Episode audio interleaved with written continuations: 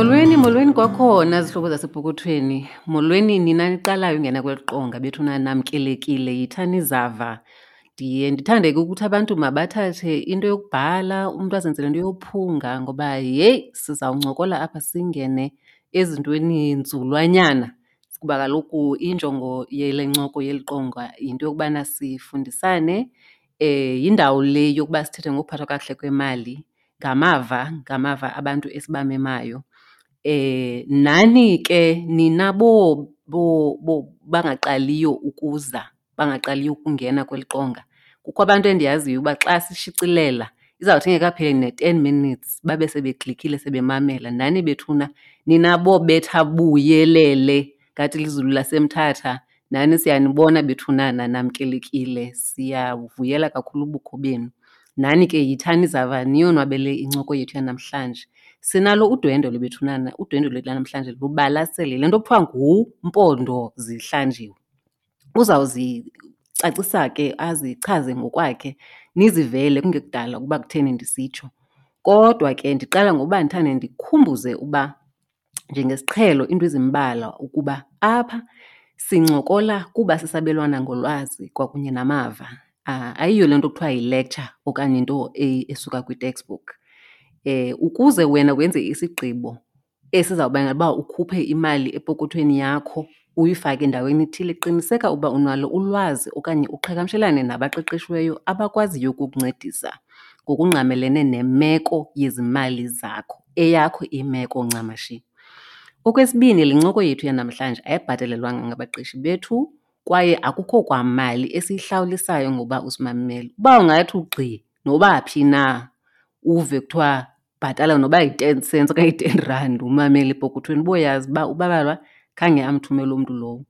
Epokothweni yincoko, liqonga elasimahla elafelefele. Anditsho ke uba khe yenzeka kodwa ke ziinto zaseintanethi, siyayazi ukuba yeyi banintsi abantu apha phandle abanezinye iinjongo ezingafaniyo nezi zethu. Ayithengisi le podcast, iyafundisa soze futhi ithengise. Namhlanje njengoba besenditshilo ndihleli nonomathibana wakwaMatshoba oyi-managing director yakwaTerebinth Capital. Ukwayiyo ne-chartered financial analyst, uzoyichaza ke uba yintoni leyo kanye kanye. Bendikhe ndathi kuni ubalasele lo sisi. Ikhampani yakhe uTerebinth Capital ifumene iwonga ngo-twenty seventeen nango-twenty eighteen kwiHedge News Awards. Xa ke ezichaza uzawungena nzulu uba zintoni na ezo. eh, anabise ukuba loo mawonga bawafumeneyo benguTerrapin Capital ngawantoni na. Nomathibana, ngena sisi, chazela izihlobo zethu uba ungubani na eh, uzi, nawe wam, uthi zava, uzive uthe zava, ukhululeke, wamkelekile. Enkosi babalwa. Um, njengoba utshilo igama lam nguNomathibana Matshoba. Ndisuka eBhayi, ndikhulele khona. And then ndathi ugqiba kwam i-high school ndazofunda apha eKapa, e-U_C_T, apho ndenze iBachelor of Science, ndimejorisha sorry, iBachelor of Business Science, imeja yam ingu-actual science. Ugqiba kwam eyunivesithi ndam ndoqala usebenza eOld Mutual. Ugqiba kwam ndathi xa eOld Mutual, after eOld Mutual ndamuva ndam ndosebenza eCoronation and then ndaphinda ndayosebenza naseCatalyst, ngoku ndiyi-managing director kunye ne-portfolio manager eTerebinth Capital. So andiyazi uba ndingathini ke ngoku uba. khona inye Ewe, umam nibachazele abantu uba ngumni kaloku oh. bayathanda abantu uba bazalane wethu ubalulekile. Sifuna uyazi uba ungumntu asena. Okay, mna ke ndingumamthembu njengegama lam lisitsho unomathibane abantu abathembu bazolazi elo gama singabathembu oqhudeni mm. ovelasi ungadla amathibane yazi indlala iwile sithi ke apho siphuma ehewu eke so uba uba umamthembu uQhudeni uzawulazi elo gama uNomathibana. Nditsho ke uba babebekhona abathemba abangazaziyo uba kukhona i-C_F_A okanye ii-C_F_A zingakhona nasebathenjini beshuna zibalulekile ezi zinto. Khawuthethe ke ngoku ngamawonga la eeHedge Funds Awards. Uba naniwongwa ndizawuthi nirekhognayzelwa ukuba nenze ntoni, nibalasele entwenini. Yabona kuzofuna ngiqale ndicacise uba yintoni i-hedge fund nje kancinci. So apha kwii-funds ziba khona ii-funds ekuthiwa zii-long only. So ithetha ubana into ozoyenza kuyo ayikho, ayikho nzima. But ke ngoku i-hedge fund yilena ke ngoku uzozama usebenzisa ndingathi ii-strategies. ezokwazi unyusa imali le uzayenza kule fund even more. So i-hedge fund ngo-twenty seventeen i-fund yethu kule category lena kuthiwa yi-fixed income, uzayicacisa mos apha apha, uzawuphinda uyicacise . Sizawuthetha, sizawufika kuyo . So nakwii-hedge funds ke ngoku kuphinda kubekho ezi ze-fixed income, kubekho ezi ze-equities, njalo njalo. So thina ngo-twenty seventeen sawina kulena ye-fixed income. unamba one, saphumelela kwi-top performing ngo-twenty seventeen. Bayeva bathembu basehewu. Ewe, number one. Eh, and then ngo-twenty eighteen into baphinda bayenze ngoba bafuna ukuthi um yabona kule kule industry yethu bakhona abanye abantu benonyaka omhle Kodwa eyona ndlela yosebenza uba mawube neminyaka emihle. So ngo-twenty eighteen i-fund yethu yayineminyaka three years in a row iminyaka yethu .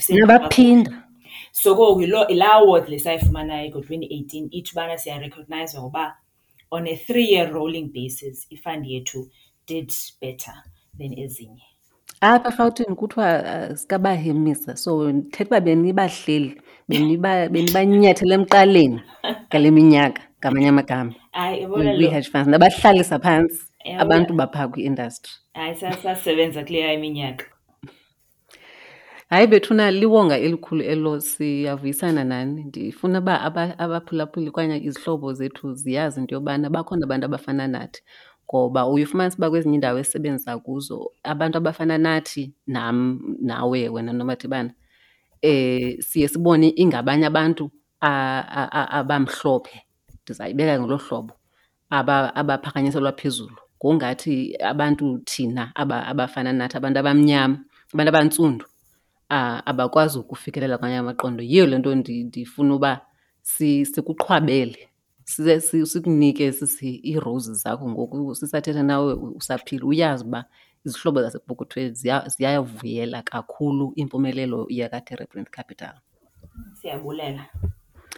Um zihlobo nizawukhumbula ke uba besikhe saqala sathetha nge-foreign exchange noBulelo kuba singena apha isihloko esikuso lutyalomali ngokweentloboondidi. So uhlobo didi saqala ngalo lolweForex okanye i-foreign exchange, foreign currencies, sathetha noBulelo Soyambi. Seza nge-equities sathetha noSphelele Mdudu. Seza ngomhlaba.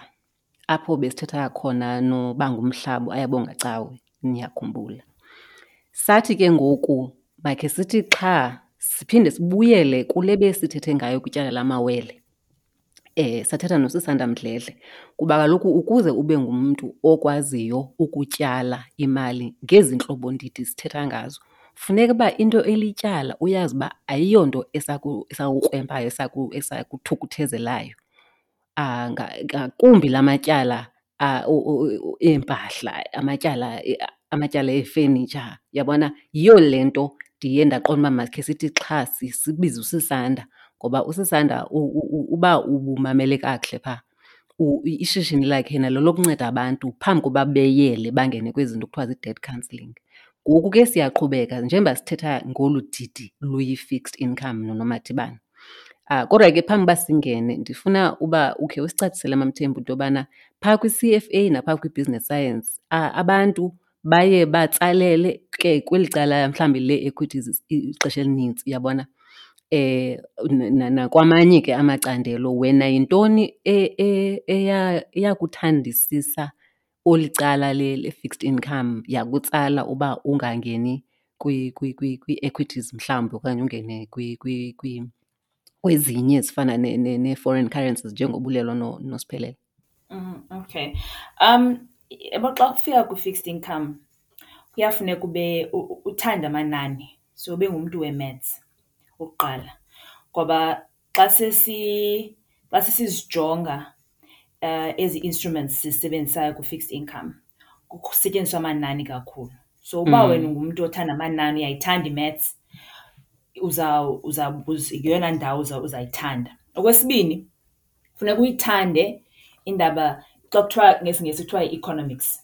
Funeka uthande uba kwenzeka ntoni kwi-reserve bank xa itshintshi yebo xa itshintshi i-interest rates ithetha ukuthini hmm. xa kuthethwa ngofebruary every year nangoku ngono well at the beginning of the year phaa kubakho ibudget inantu ke iminister yethu of finance iyama ipalamente isixelela uba izothini ibhajethi yethu iphinde um phakathi kwe-fiscal year yethu as i-country ngoku ngo izoba ngonovemba ngoku kubekho i-m t b p s so again uyahlala nathi asixele uba senze njani as i-country kwiibhajet zethu so ezo zinto funeka zikunika umdla iindaba ze-economics hmm. so the so ezo zinto zoyi-two indaba ye-economics kunye ne-maths zidibana kakuhle xa sijonga i-fixed income uthethe ngee-instruments oh xola mm, qhubeka mm.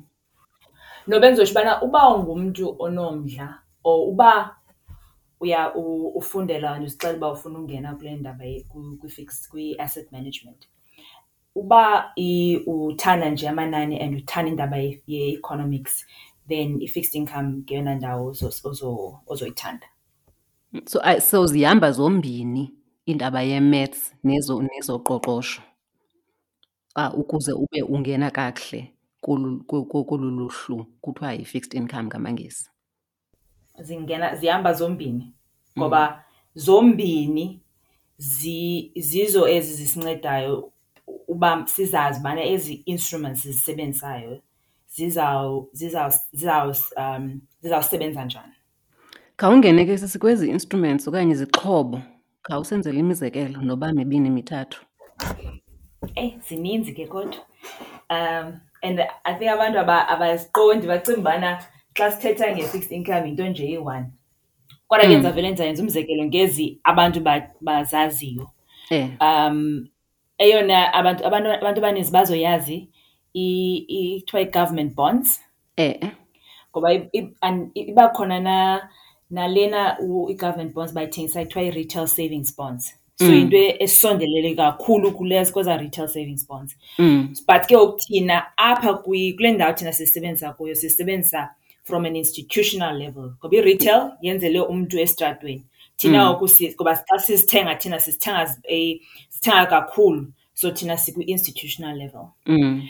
and so and there the other one so phaa kwi-rate kweza, kweza bonds kubakho ezi kuthiwa zi-nominal so ithetha mm. ubana mm. la, la interest oyifumanayo uyayixelwa ekuqaleni ayizutshintsha until mm. uyithenge either wena uyithengise laa bond or laa bond yakho kuthiwa iyamaturity maturely uba mm. ifikelele mm. ekugqibeleni kwaloo bond mm. okanye kubekho ezi kuthiwa ziyi-inflation linked ithetha ubana laa interest mane uyifumana ihamba ngokuba i-inflation ithini kulo nyaka so ke ngenye oko e, e, enantukileyo i-instrument mm. umhlobo esetyenziswayo kwezi zonzoma apho kwezo zoyi-two ngoba mm. ezinye zi kudlalwa nje ngezo ngezo types ngoba mm. most of them uba uba siya sijonga nje ezi-two iba ngezi-two types and then ezinye ngoku kudlalwa nje ngezo ngezo ngezi-two types ngezi types zethu Into ethetha ukuba ke eh, ngoba eli gama lithi bond i think thina singabantu basesitratweni siliqhele kakhulu xa sizawuthenga izindlu mm. sizawuboleka imali ebhankini awuthethi ngayo loo bond wena yabona ke cinga wena ibond iba nguwe oyebhankini uyoboleka imali mm. le thina sithetha ngayo Ngoba xa sithetha ngezeGovernment ngurhulumente ozoboleka imali kuthi. Oh. Uyabo? So ngoku wena xa uyithenga, uyayithenga laa bond. Into oyenzayo uboleke imali kurhulumente. Oh, uba yi-bond, let's say i-bond ka-Absa. Mm. Wena uboleke imali ku-Absa. Ubolekisa ngemali yakho kurhulumente okanye ubolekisa ngemali yakho kuloo corporate iyiyo ethengisayo. Isebenza njalo. Ndikuva kakuhle. Undive kakuhle. Yabona oku kule bond lena uthetha ngayo le yendlu kuba inguwe oboleka imali iba nguwe obhatala ibhenki Iba nguwe every month nguwe obhatala ibhenki. Whereas le thina sithetha ngayo kuba nguwe okuboleke imali kurhulumente okanye kwenye i-corporate ngabo abakubhatala i-interest and laa interest ubolekise funeka babuyise imali yakho nenzala xa babolekise Ngoku and exactly. So it's and bazokubhatala back inzalo every, it's either every quarter okanye every mm. half year. Mm. And then ngoku imali yakho yonke uzayifumana ekugqibeleni. Idiphenda ubana eli tyala lakho or eli, le mali ubabolekise ubolekise ngayo ubabolekise for ixesha elingakanani. So urhulumente kuzuke etheni mntana xa efilisha uba funeka aboleke imali yam nomathebane? Kutheni ezawufuna uboleka le yam? NooABSA nezinye ezi iinkampani e, e, mm. kuze kuke kutheni zifuna le yam imali? Khake masikhe sijonge likarhulumente. Urhulumente kaloku yiloo nto bendikhe ndathethe ngendaba yebhajethi esibanayo ekuqaleni konyaka siphinde sibe nayo and xa ndithetha ekuqaleni konyaka iphaa ngofebruwari march siphinde eh, sibe ne eh. kuthiwa yi-medium term um medium term uh, budget and policy asset oh sengiyilibele ukuba kumele ndiyo but ewe eh, policy statement right policy statement yes mtbps so mm. masime phaa kugovernment ugovernment uthatha ii-taxes zethu ne Eh. Ngoba qoqa every month wena ubhatala xa ubhatala xa utsalelwe isalary yakho ubhatala urhulumente i-tax. Mm. Nee-companies mm. nazo siyabhatala i-tax ne. Mm. Siphinde zibe khona mm. nezinye ii-taxes esizibhatalayo. Ngalaa mali urhulumente yilena ayisebenzisayo for ukha indlela, akhe izikolo, akhe izibhedlele. Aphinde abhatale nabantu ii-social grants. Zininzi ezinto urhulumente afuna azenzile ngalaa mali.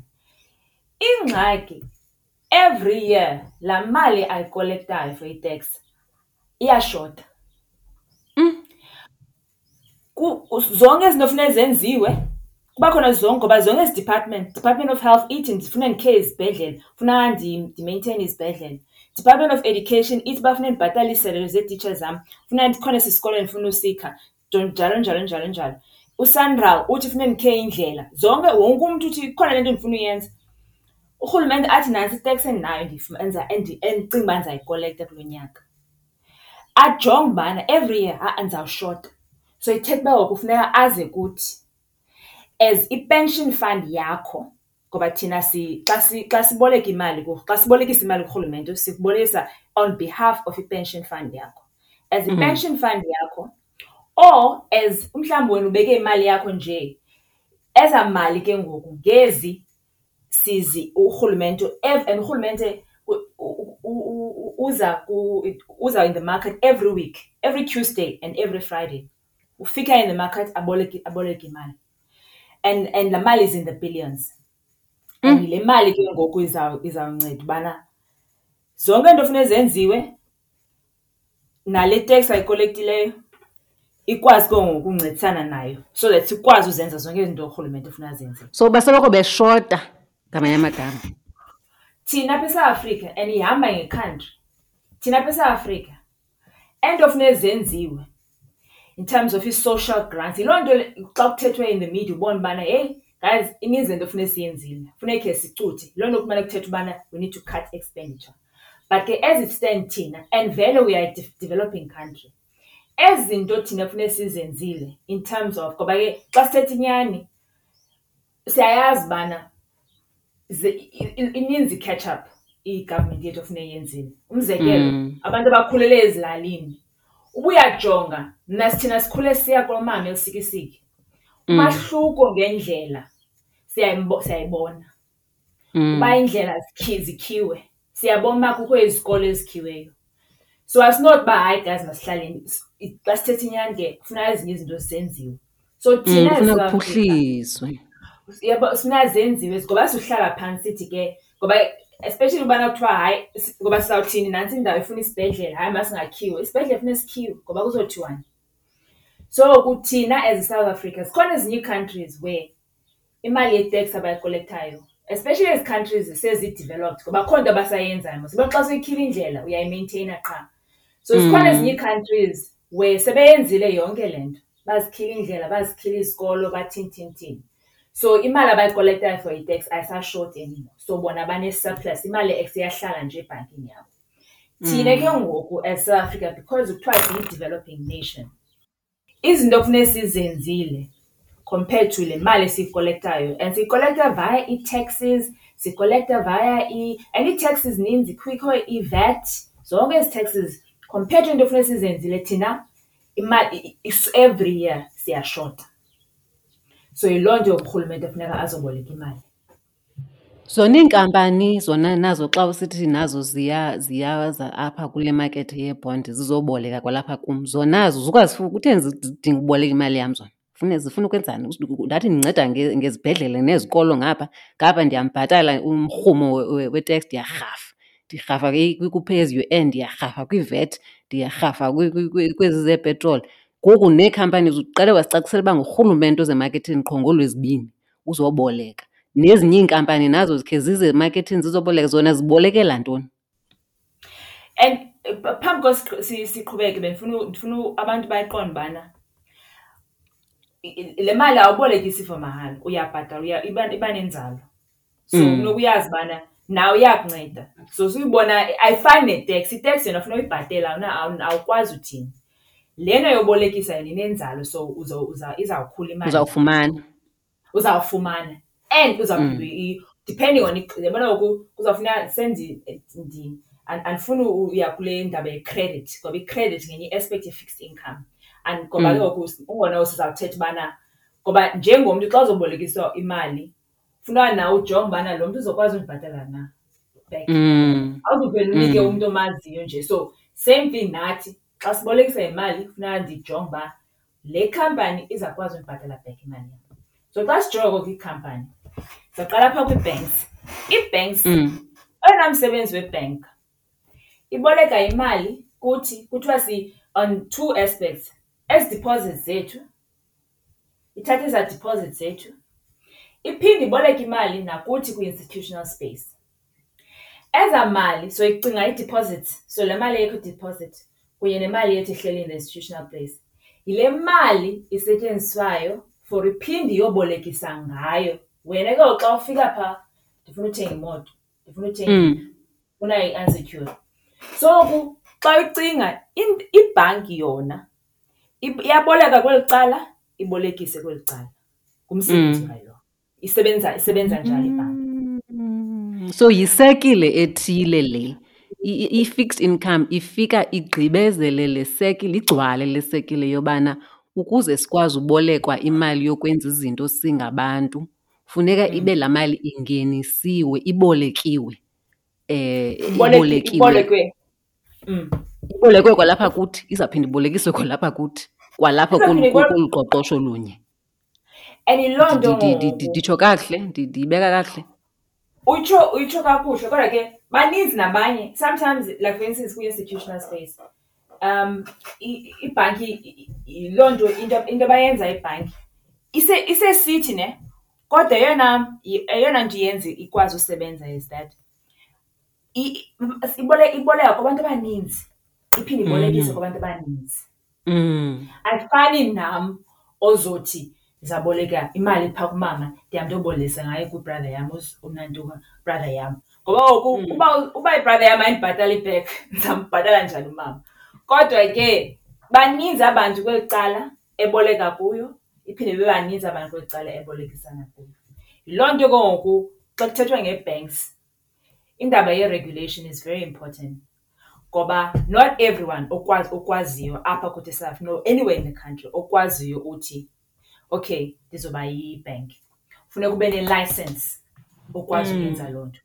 Ngoba uthatha iimali zabantu ubolekise ngazo. So funeka wena ureguleyithwe very strictly to be able to do that. Mm, so wona mm. mzekelo and then omnye umzekelo ke ngoku iba ezi kampani ngoba isozibhanki norhulumente qha ababolekisi ababoleka imali ezinye iikhampani ziyakwazi uzoboleka imali kuba xa senza umzekelo unetcare netcare siyamazi unezibhedlele Funeke khe ufune ukuxhaya esinye isibhedlele. Le mali ayenzayo via and I'm sure ngeke iyacacisa indaba ye-income statement yekhampani isebenza njani. Le mali ayenzayo ayonelanga uba mayikwazi uyokha isibhedlele. So ngoku izawuthini? Izawuthatha Some of le mali iyenzileyo kulo nyaka iphinde idibanise netyala i- i- ihambe okhe isibhedlele Uba ndiphinda nje just uba ndithi make sure wena uba ndikuva kakuhle. Ingathi le nto u- u- uqoqosho olu ifana nomgalelo. uqoqosho olu lwalapha eMzantsi Afrika. Kuba urhulumente neebhanki neenkampani ziyasidinga njengoba nathi singabantu sibadinga. Urhulumente simdingela uba makakhe izikolo, iinkampani sizidingela uba zivelise, zikhiqize, ziqashe abantu.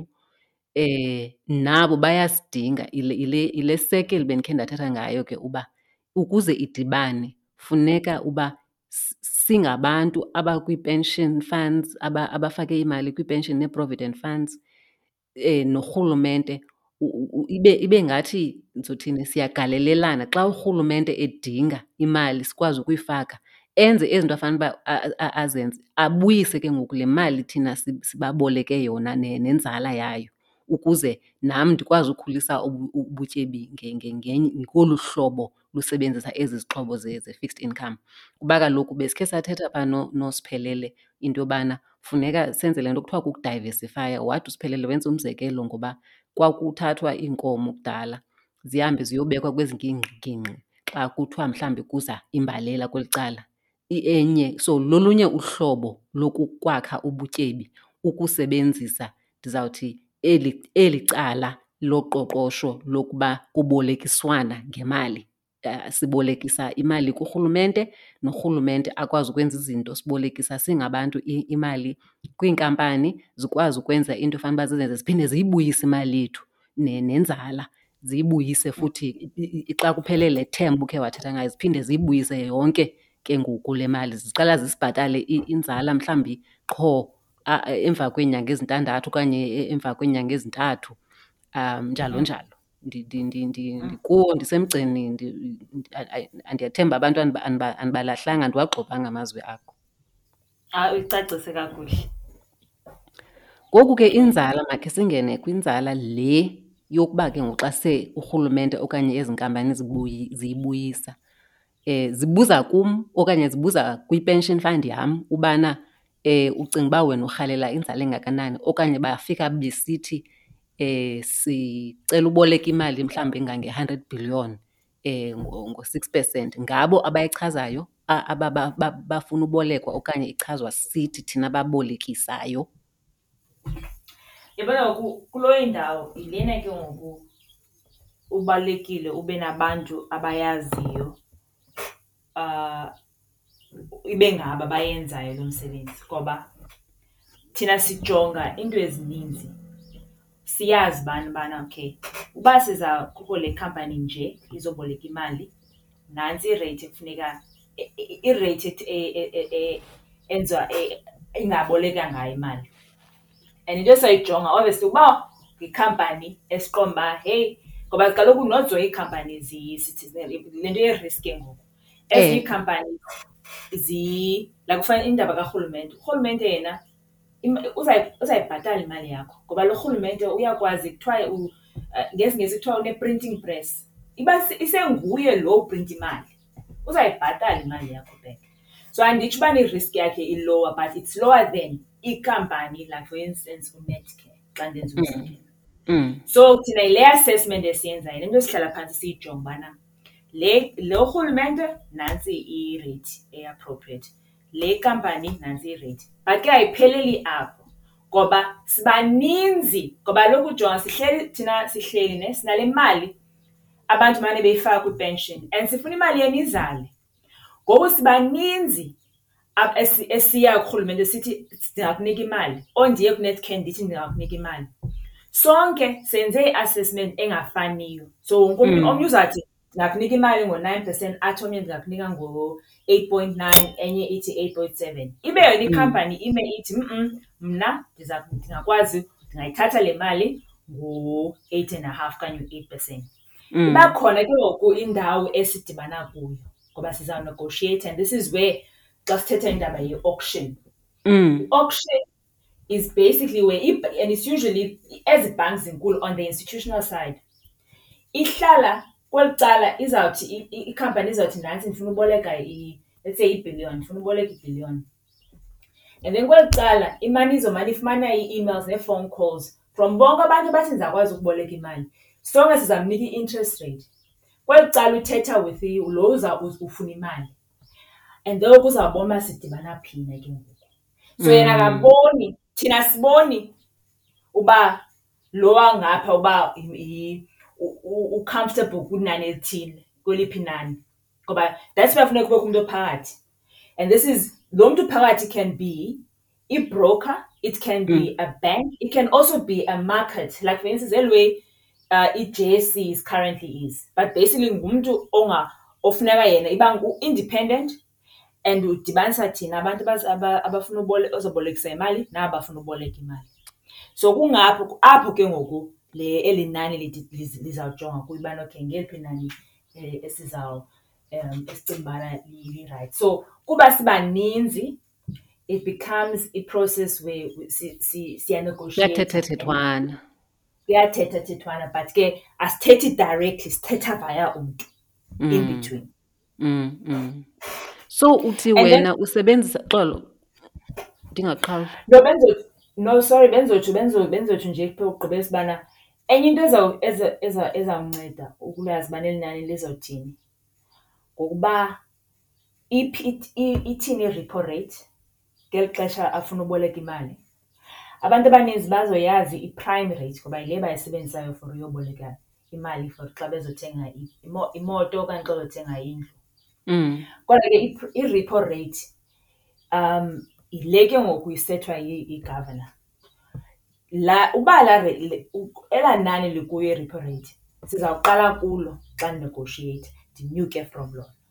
Oh so ndzothini ngumda othile mm. yirula ethile senje uba zonke ezi rate zithethwa uh uba ndisebenzisa isingesi in relation to i-repo rate it, it definitely yiloo nto ibalulekile every two months igavane yethu iyama phambi kwethu isixelele uba bayasicinge njani yintoni into abazijongileyo bajonge i-inflation, bajonge uba ithini, sikhula njani as i-economy. Bajonge zonke ezi zinto baqonde uba i-repo rate yethu either mayihlale, currently ngu-three and a half, okanye masiyinyuse okanye masiyehlise. So ibalulekile laa meeting, yenzeka every two months.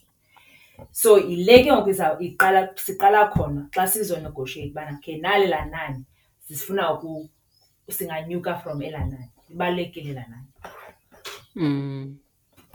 so wena nomathibana nezinye ii-fund managers uh, so ooterebrand oh, oocoronation oh, nabanye nabanye eh nidilishana noongxowankulu eh uba ndikuva kakuhle um eh kodwa ndiyafuna ucinga ubana ikhona nendlela yobana uba mhlawumbi mna andingomntu okungxowankulu. Xa ndisithi ngxowankulu ke ndithetha nge-pension, ndithetha nge-provident. Kuba ungxowankulu noba mhlawumbi ngabantu abamkela inkamnkam karhulumente, nayo laa government employees pension fund, okanye nje abantu abafumana laa mali ndizothi yindodla noba umntu zange aphangele. Mm. Ezo mali ezo zizo ezi nina nizama ukuzonyusa njengabantu abazi-fund managers andithi? Um mm-hmm. eh, xa uthetha ngoba ke ngoku kwi-fixed income nibolekisa kwezi khampani nenza loo management ke e, e, olo hlobo bethuna sithetha ngexenglish namhlanje eyi amagama sisiza waqweba sisiza waqweba ngoku ndifuna ke ngoku uthethe nesihlobo mhlawumbi esingekho kungxowankulu mhlawumbi umntu osasanda uziqalela ishishini lakhe, mhlawumbi umntu noba unaye ungxowankulu oyipension noba yi-provident othi yazi ndiyafuna ubana ndingajongi endaweni enye, ndingajongi kule nto ndiziqalele yona okanye kulo mvuzo. Mhlawumbi ikhona enye indlela noba ayingeni ngoTerebrandt Capital ingena ngabanye abantu abakulu kule kule industry yakho noba asizubabiza ngamagama. Ikhona enye indlela uSphelele bekhe wathetha ngee-unit trust, bekhe wathetha ngee-exchange traded funds. Ah, ngazi iindlela ezo ongathi isihlobo esimameleyo singathi xa siphicotha ezenzela ngoba izihlobo ndiyazikhuthaza uba xa zisimamele apha zithetha Bangathathi le nto siyithetha ngolu hlobo umlungu azothi at face value, ahambe ayozenzela olunye uphando. Uba ke ngoku umntu uyahamba uMthembukazi ayokuzenzela olunye uphando, uzawufika zikhona ezinye i-unit trust nee-exchange traded funds ezisebenzisa ezi zixhobo zenu ze-fixed income. Ezikhona njengoba uSipho Siphelele ebekhe watsho ubana zikhona ezisebenzisa i-fixed income, i-pure engadityaniswa nezinye ii-asset class. Ibe khona nezinye ezidibanisayo ke ngoku, zidibanise laa equities, zidibanise laa fixed income kubekho i-fund. So thina kweli cala lethu. Njengoba utshilo zikhona kwii-companies, sinazo thina eTerblanche, zikhona nakwezinye iikhampani endingazuzibiza.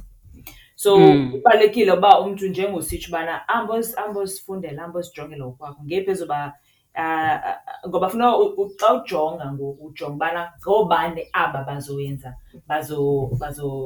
bazoinvesta imali yakho on your behalf. So ukuba mawuhambe uyozenzela owakho umse, uhambe uyozi- uhambe uzijongela ngokwakho. But otherwise zikhona, zikhona kwi-unit trust, zikhona nakwii-ETFs. So ke ngoku uf- kufuneka ndi- ndi- ndibe ndingumntu ozawuhamba ndihambe ndiyogugulisha ndijonge into yobana phaa kumacwecwe enu okanye kwii- kwii- kwii-fact sheets uba mhlawumbi masithi sithetha ngawe ngoku, Terebrand. Mm.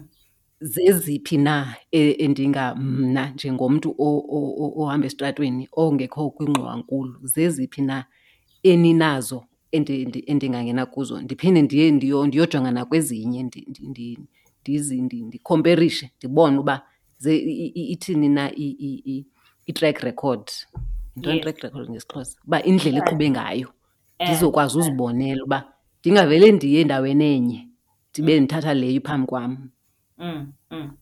and eyona nto funeka ukuthi xa ujonga ke ngoku as affect sheet ibalulekile ujonge uba kukho kubakho le isection kuzo zonke ezi fact sheets kuthiwa yi-risk profile ibalulekile laa ndawo ngoba iza kunceda wena Ngoba kaloku njengoba ubusitshilo ubana uzayibeka le mali ecaleni kuba uzazi ubana zikhona ezinye izinto ofuna uzenza. Ungaba maybe uyibeka nje kuba ndifuna nje uba nemali esecaleni endizoyisebenzisa ngenye imini. Okanye uba uyibeka ecaleni kuba uzazi uba yazi ntoni, umntana wam funeka efundile ngeli xesha ke kufuneka ndinide imali ndimane indawo endizobeka kuyo imali so umntana xa kufuneke eye esikolweni. Okanye maybe uzawukha indlu andiyazi. So ke ibalulekile ujonga okanye yimali nje ehleliyo. olu sixeba ndizayinida in fifteen years time. So ke ibalulekile ujonge laa risk profile ngoba laa risk profile uba isezantsi, so iyareythwa one, zero, sorry, one to ten. Uba ikwehlisa amanani alo oo-one, two, njalo njalo, ithetha uba ke ngoku yimali. onoyisebenzisa or yi-fund lena yi-unit trust le onoyisebenzisa uzazi ubana uzayinida laa mali kwangongoku ngoku. And ke ngoku xa inyukile laa risk profile ithetha ubana yimali ke ngoku ozixelele ubana, ewe yona ine-risk kodwa ke ndiyayazi ubana ingahlala laa mali phaa, andiyinidi kwangongoku ngoku. Okay, ndiyavuya uba utatshele kule nto ye-risk profile. Sasikhe sathi xa sizama ukuyicacisa sincokola noNxaba sathi i-risk kukusibinda, uba ubona uba le mali isibindi sakho. singakanani na yimali ofuna mhlawumbi ukuyibona ingehli nangesent athi amangesi i-capital ibe preserved hundred percent ungathi i-fixed income xa sesisiya ke kwezo e t f nakwezo unit trust um sisibinda kangakanani likhona mhlawumbi ithuba lobana laa mali, laa ten rand ndiyifaka phaa, ndingafika mhlawumbi seyi-nine rand. Akhona amathuba okanye xa xa nithetha nge-fixed income nithetha nina ngezi zinengqiniseko okanye igaranti ethile. Ikhona igaranti? Yabona ii-funds ezinee-guarantee zinqabile ngoku. Zixhaphakile, zixhaphake especially kwii-insurance companies kodwa ngoku zinqabile. Ngoba uba uthi ndizayigerentyia imali yomntu funeka uyazi uba ngaba kaloku xa indaba xa ubolekisa imali ininzi into enoyenzeka. So zinqabile ngoku ezi zithi imali yakho uzayifumana back. Into endinokuxelela kwi-fixed income.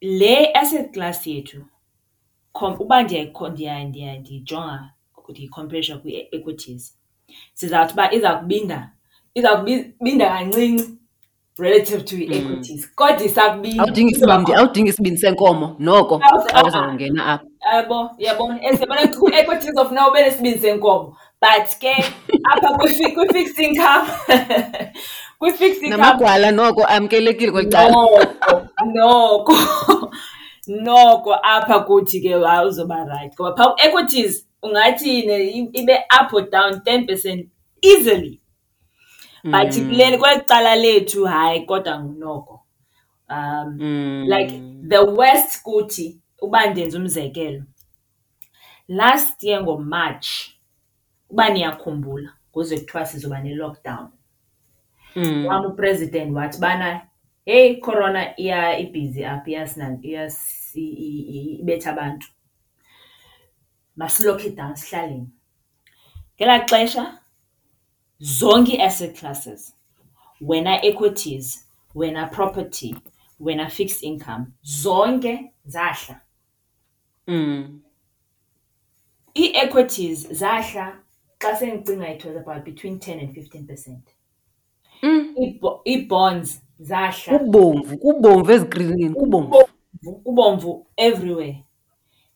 Uyabona ngoku i-equities ingathi xa xa sendicinga kakuhle it was about ten to fifteen percent. Whereas i-fixed income yahla between zero point five to two percent. so uyabona ubana mm. usafuna isibindi funeka ube naso isibindi ubana izawuhla kodwa ayizuhla ngala fifteen percent we-equities yona mm. and this is why sithetha nge nge ubucinga benzoyenza le indaba ye ye ye uba abantu bafamiliar with indaba ye insolvency of icompany mm. uyabona mm. xa icompany xa xa icompany izoba insolvent Niyarenkwa, bakhona abantu bazofumana imali yabo back depending on where you rank.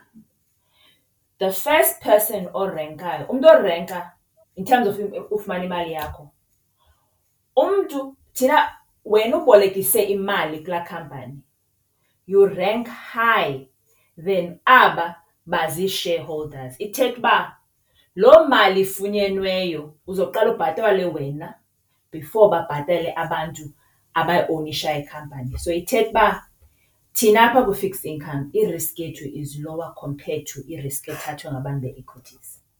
Mm, xa itshona inkampani kuzawuqale kucingwe aba bantu baboleke inkampani imali kuqala kunokuba kucingwe aba bafake imali babazii-shareholders. Yes. Eh, batyalwa ndingatsho ii-dividends. nditsho yes. kakuhle uyitsho kakuhle so thina and ithetha ubana yiloo nto nangokuba ikhampani izoqala ibhatala i-interest kuthi before ibhatala i-dividend ayizubhatala mm. i-dividend uba ikwazi usibhatala thina i-interest injalo isebenza njani mm. thina mm, ngoba ninesibhambathiso sasemthethweni usobana look ndibolekile le mali apha kwaba bantu so umthetho uthi mandibabhatale thina ngoba isebenza njani indaba yekhampani uba iba khona enye ixesha ikhampani ikwazi ubhatala thina nje interest and then imali eshiyekileyo incinci qomba mayishiye ebhankini ungonoko izawuthi iza ayizuyibhatala idividend whereas hmm. thina Uba ithi ayizusibhatala i-interest yethu, we call what we call an insolvency event, i.e. siyakwazi ukuthi mayivalwe loo khampani there and there. Whereas kwii-shareholders, uba ikhampani kulo nyaka ithi ha-ana andizuyibhatala i-dividend, abakwazi ukuthi uba hayi ke sifuna imali yethu. Whereas thina i-fixed income ubana ayisibhatalanga because ii-contracts ethina esisebenza ngayo it's very strict. Izawutsho ubana uba abasibhatalanga i-interest yethu we can call, we can call an insolvency event, in which case . le company mayivalwe sithengise into zazo sithathe sifumane imali yethu back so that's why thina yethu mm. risk isibindi osinida kweli cala le-fixed income sihlile silower than esi mm. sazi-equity kodwa ndiyayithanda into yobana uyayibandakanya into yobana siyafuneka isibindi mm. Eh, noba ke asifuneki side sibe singangesenkomo kodwa ayikho into kwezi ntsuku siphila kuzo engazudinga sibindi mm. eh xa sithetha ngeemakethe kodwa ke loo nto leyo ayithethi into yobana masihlale ecaleni mm. singathathi inxaxheba ngoba singabemi eh kwaye nezi repo rate neluqoqosho yonke into ukuze isebenze funeka wonke umntu athathe inxaxheba yakhe. Urhulumente enze indima yakhe, mm. iinkampani zenze iindima zazo, nam ndenze indima yam ukuze mm. iphelele le nto sithi yile sekile bendikhe ndathetha ngayo.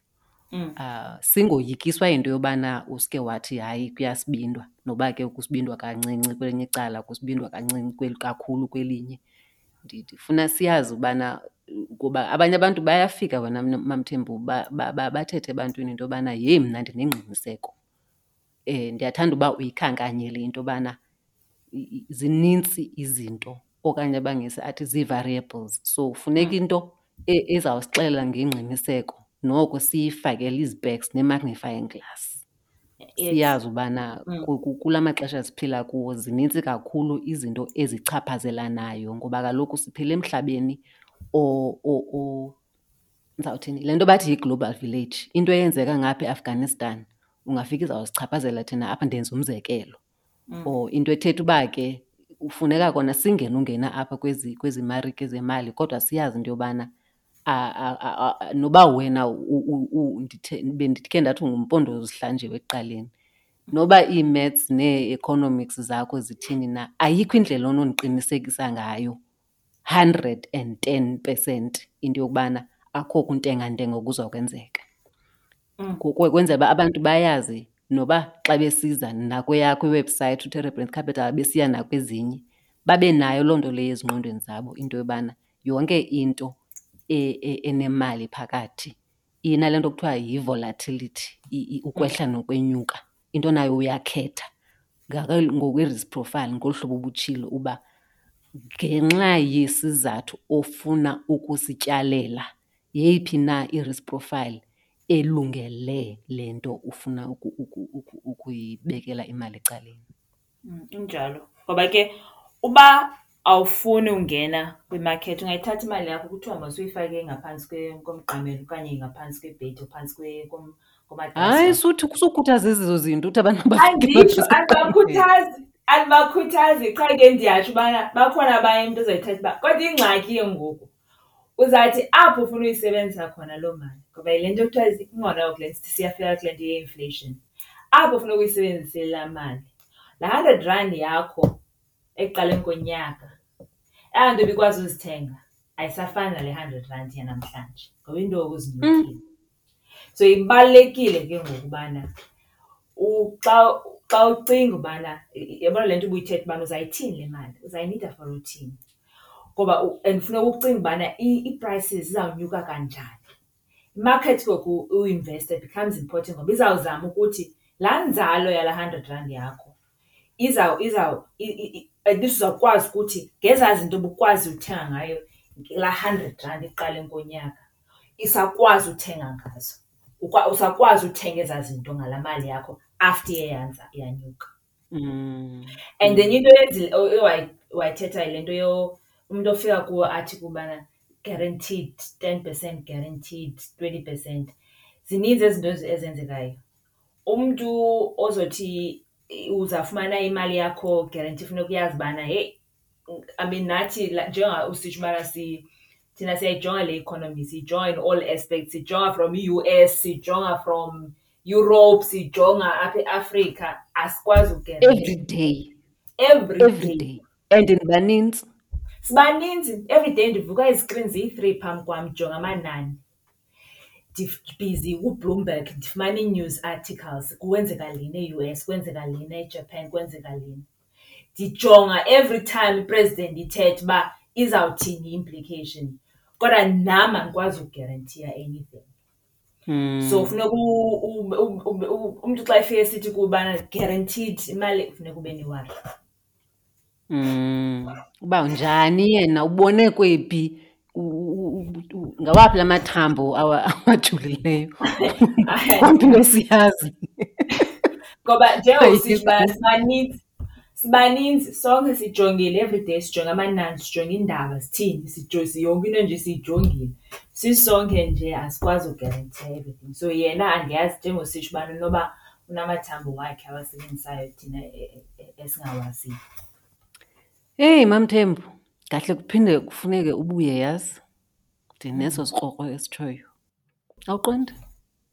hayi ndizozama inoba ndilungise nesi- nesixhosa sam kakuhle Ewe hayi, baza bayayazi ba abahlobo ba apha amanye amagama kaloku ezi zinto khange zakhiwe, zakhelwe zi. Mm. thina bantu bantsundu ngoba nathi sizifunde ngesilungu so mm. kodwa ke phambi uba ndiku oh shem ndikufake on the spot ngawutsho amazwi qabaqaba okuvalelisa kwizihlobo uba um ungathanda bathini nje ngale ngale ngale betyise kanjani uh, amazwi wokugqibela owashiya nabo yabo inzima ke leyo the only thing ndingatsho nje bana xa andinoba ke ndizawuthetha nje just in terms of uba wena yintoni uzama uyenza ngezi podcasts iindaba zemali Abantu funeka bangazoyiki. Uba uyazazi ubana uzayinida imali, uzayinida for uyenza, ukha indlu, ufundise abantwana, sukufuneka ungathi cwaka uhlale ethembeni only. Funeka ukwazi uplene. And uplana there are tools out there onozisebenzisa for uplana nobeka imali ecaleni. And ezi tools like ezi ndisithethe ngazo namhlanje unit trust kunye nee-E_T_Fs and especially kule area ye-risk profile zibalulekile. Ngezi onozisebenzisa for . xa, xa, xa ufuna uyenza le or xa ufuna ubeka imali ecaleni kuba uzazi uba zikhona izinto ofuna uzenzileyo. So, nje iindaba zeemali yinto, ndingathi ngesiNgesi it's an active decision, it's not something ohleli nje phantsi uhleli elithembeni uba hayi imali izawuvele ivele from somewhere. Funeka ibe nguwe nje oyicingelayo uba niplenile. and nazi ii-tools ezikhoyo onozisebenzisa. Ndingoyiki. Ungoyiki, zikhona izinto onozisebenzisa ezizokuncedisa ubeke imali ecaleni so that ukwazi uyenza izinto ekufuneka uzenzile. Masibulele ngexesha lakho kakhulu, MamThembu. Eh, zihlobo niyazivela nani into yokubana eh, njengoba watsho uMandoza uzoyithola kanjani ihleli ekoneni? Sukujonga into enye, sukujonga loo mrholo okanye loo nto ufumana kuyo. Zikhona ezinye iindlela zokuba uqinisekise ubana le mali inamhlanje iyi-hundred rand, njengoba siyazi uba ixabiso layo alizuthenga izinto ze-hundred rand kulo nyaka uzayo ngeli xesha. Zikhona izixhobo, zikhona neendawo onoya kuyo ufunde. um uzenzele uphando ndisoloko ndilukhuthaza uphando bethunana uba ungathathi uba uthi ubaba lwanonomathibana bathi hayi zenzele olwakho uphando kwenzela uba uthi uyifake imali yakho endaweni ube uyazi into yobana uyayiqondisisisa kakuhle into yobana ubuye ubolekise ngemali usebenzisa ezi zixhobo sithethe ngazo namhlanje uyibolekisa kwinkampani okanye kurhulumente um noko othembakeleyo um okanye uyinikezela ezandleni zoochwepheshe abakwaziyo futhi abanayo i-track record. Um cela umntu andincede andibhalele bethuna okanye andithumele i-voice note andixelele uba yintoni na i-track record kuba niyandifundisa nam apha isiXhosa. Ndiyabulela kakhulu Mthembukazi ngexesha lakho neteknoloji ikhe yafuna ukusidribilisha apha kodwa umonde wakho ndiyawubulela kakhulu, usincedile. um ndiyavuya ke noba sewutshile uba intliziyo yakho noko ivulekile uba xa izihlobo zinokucela uba ubuye ungabuya hayi ke ndiyabulela okwam ngeli thuba lothetha ne nama nezihlobo